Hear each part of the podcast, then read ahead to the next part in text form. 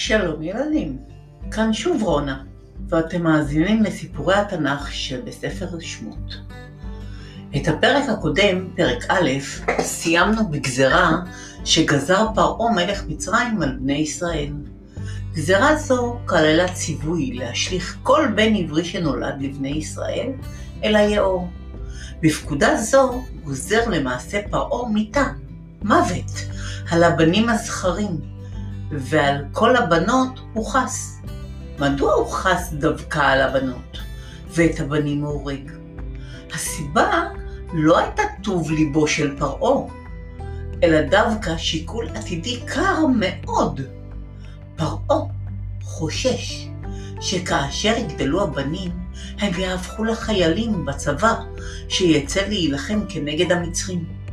וזו הסיבה שבגללה הוא מצווה מיתה, כלומר מוות, רק על הבנים. כל הבן הילוד היאורה תשליכוהו, וכל הבת תחיון. כך מסתיים פרק א'.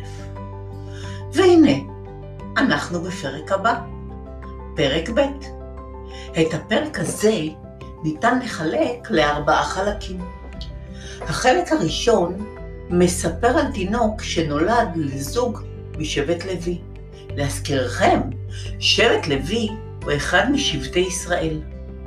שלושה חודשים הצליחה האם להצפין, כלומר להסתיר את בנה, על מנת שלא יושלך אל היאור. וכשכבר לא ניתן היה להחביא את התינוק, הניחה אותו האם בתיבה. אותה, את התיבה, היא הניחה על שפת היאור. וביקשה מביתה לצפות על התיבה על מנת לשמור ששום דבר רע לא יקרה לילד. וילך איש מבית לוי, ויקח את בת לוי, ותהר האישה, ותלד בן. ותרא אותו כי טוב הוא, ותצפינהו שלושה ירחים. ולא יכלה עוד הצפינו, ותיקח לו תיבת גומה, ותחמרה בחמר ובזפת, ותשם בה את הילד, ותשם בה סוף על שפת היאור, ותצב אחותו מרחוק, לדעה מה יעשה לו. ומהו אותו היאור? היאור, ובשמו הידוע הנילוס, הוא נהר אדיר, בן אלפי קילומטרים, הזורם לאורכה של מצרים. הנילוס הוא מקור החיים של מצרים. הוא הנהר אשר מאפשר את הפיכתה של הארץ המדברית הזאת לארץ פורחת ומפותחת, בעלת תרבות עשירה למשך אלפי שנים. אף שבמצרים כמעט ולא יורדים גשמים, החקלאות שגשגה בגלל הנילוס שמציף את השדות. כדי להשתמש במימיו באופן מושכל, בנו חקלאי מצרים העתיקה זכרים קטנים מפתחי השדות, ופתחו וסגרו אותם בהתאם לצורך. הנילוס גם שימש כמקום רחצה לתושבי המקום. כך היה כאשר ירדה בת פרעה, מלווה בנערותיה, לרחוץ ביאור, בנילוס, ומצאה את הילד. וכמו שנאמר, ותרד בת פרעה לרחוץ על היאור, ונערותיה הולכות על יד היאור. ותרא את התיבה בתוך הסוף, ותשלח את המטה, ותיקחיה. ותפתח, ותראהו את הילד, והנה נער בוכה. ותחמול עליו, ותאמר, מילדי העברים זה. בת פרעה חמלה, כלומר ריחמה על הילד הבוכה. היא שלחה את אחת מנערותיה למשות את התיבה מן המים, והבינה מיד, היא זיהתה שהילד הוא מילדי העברים. לפי מה היא זיהתה אותו? אולי לפי הבד שכיסה אותו, או אולי היא ידעה על גזרות פרעה להשליך את הבנים הזכרים ליאור, והבינה שהילד הוא עברי. כך או כך, היא ריחמה על התינוק הבוכה, ומשתה, או הוציאה אותו מן המים. ובכל עת ניצבה מרחוק אחותו של הילד, כדי לדעת מה יעלה בגורלו. כשראתה את ההתעניינות של הנסיכה המצרית באחיה, היא מיהרה להגיע אליה, ופנתה לבת פרעה. אהלך וקראתי לך אישה מעינקת מן העבריות, ותניק לך את הילד? שאלה. בת פרעה הסכימה. לכי.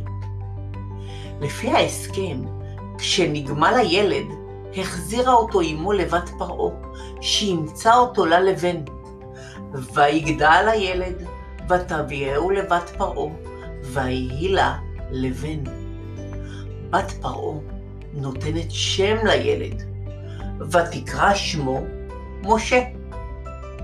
נתינת השם מלמדת על, סייכות, על שייכות ובעלות.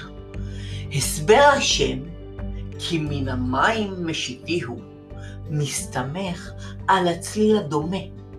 מדרש השם בתורה, בתורה יוצר משחק מילים המתאר את פעולת החילוץ של משה מן המים.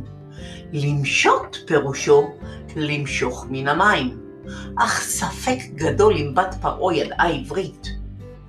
לעומת זאת, מעניין לדעת שהשם משה במצרית עתיקה פירושו בן.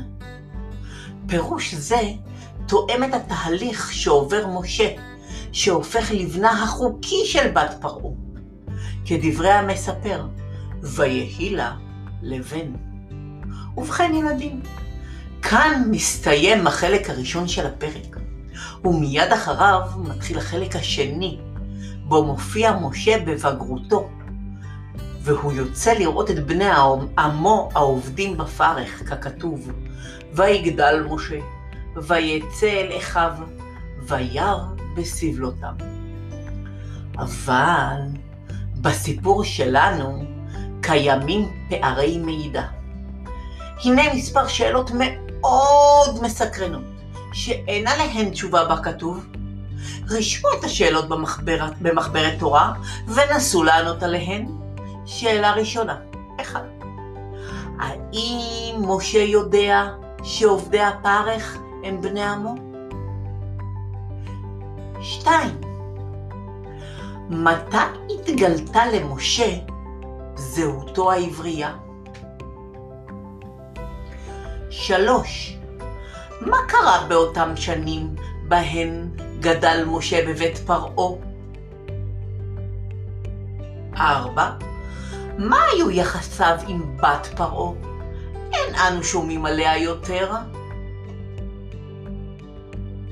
וחמש, מה היו יחסיו עם פרעה, אביה של אמו המאמצת?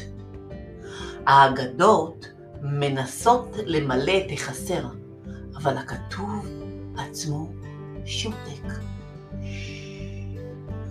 ענו על השאלות במחברת, על פי הבנתכם ודמיון, ודמיונכם, וספרו לי על כך בשיעור הבא כשניפגש.